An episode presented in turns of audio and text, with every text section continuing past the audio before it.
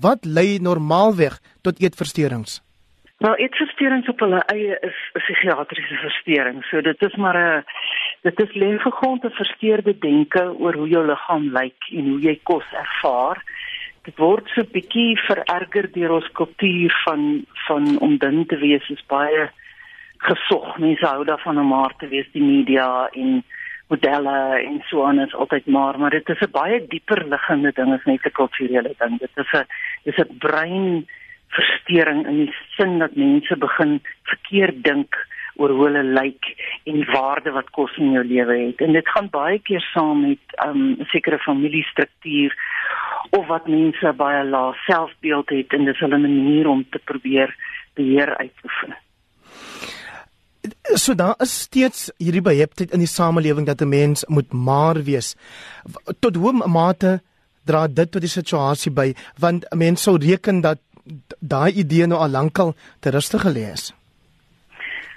Wel, mens hoop so, maar as jy kyk na die modelle wat wat loop in die, vir die vir die groot ontwerpers en so aan is hulle maar nog super maar en dit word nog steeds meeste vrouens met wie ek praat in my praktyk het een behoefte en dis om 5 kg of meer te verloor dis asof hulle selfwaarde opgesluit lê in hulle gewig.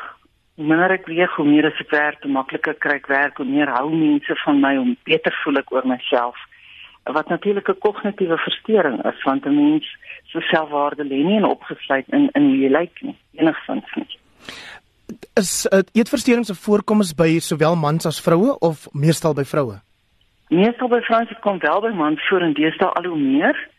Ehm um, mans is party groepe mans is, is behet met byvoorbeeld om te gym in 'n sekere um body image te hê. Hulle moet op 'n sekere manier lyk like, en hulle moet so wees en hulle moet so wees en hulle gebruik um supplemente in die gimnasium en hulle gebruik steroïde en gebruik allerlei goed om op 'n sekere manier te lyk. Like. So ek dink hulle is ook maar beïnvloed deur die media, maar beslis meer in vrouens as in mans.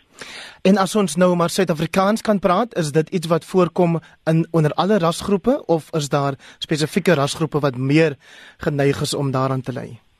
Weet jy daar is studies gedoen daaroor om te kyk na die kultuurkonteks en wat hulle vind is dat sodra ehm um, enige bevolkingsgroep blootgestel word aan 'n sekere kultuur, dis maar 'n stedelike kultuur, baie keer privaat skole, baie keer meisieskole, dan ervaar alle rasse dit op dieselfde manier hierdie absolute dryf om maar te wees en om kos te sien amper as 'n bedreiging of 'n manier om jou lewe te beheer.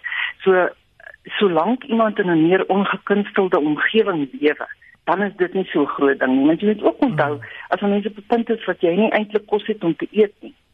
Wat jy bekommerd is oor oorlewing, dan dan dink jy net nie aan hoe maar jy wil wees nie, jy dink aan hoe honger jy is. Ja. So dit dit lê tog saam met sosio-ekonomiese ontwikkeling en soos ek sê stedelike omgewing en drukgroepe soos privaat skole, meisieskole, ballerinas, meisies wat gimnastiek doen, meisies wat perdry.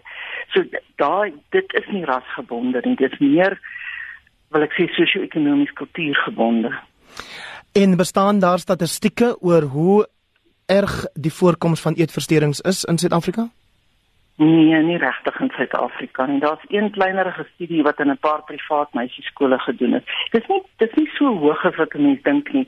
Die volle manifestasie van anoreksia of bulimia is nie so algemeen nie, maar daar's 'n groot groep eetversteurings wat ons noem wat ons nie andersins kan spesifiseer nie. So dit voldoen nie aan die vol, volledig aan die kriteria vir eetversteuring nie, maar daar is versteurde denke oor eet. So hulle sal maklik te veel eet en dan opgooi of hulle oefen meer of hulle gebruik vergeermiddels of hulle ehm um, sal net vir 'n paar dae heeltemal vas en besluit ek moet vinnig vir die matriek afskeid gewig verloor. So dit is nie volle anoreksia nie, maar dit is 'n subkliniese manifestasie en dit is baie algemeen, maar daaroor het ek nie veel statistiek nie, veral nie in Suid-Afrika nie. 'n Laaste kort vraag vir 'n kort antwoord asseblief. Wat doen families wanneer hulle daai eerste tekens raak sien? Hulle moet gaan help kry professionele hulp want as, as die tyd dat die familie dit raak sien is dit baie keer al taamlik gevorder. So gaan soek professionele hulp asseblief so gou as moontlik. Baie dankie vir u bydrae vanoggend om bewus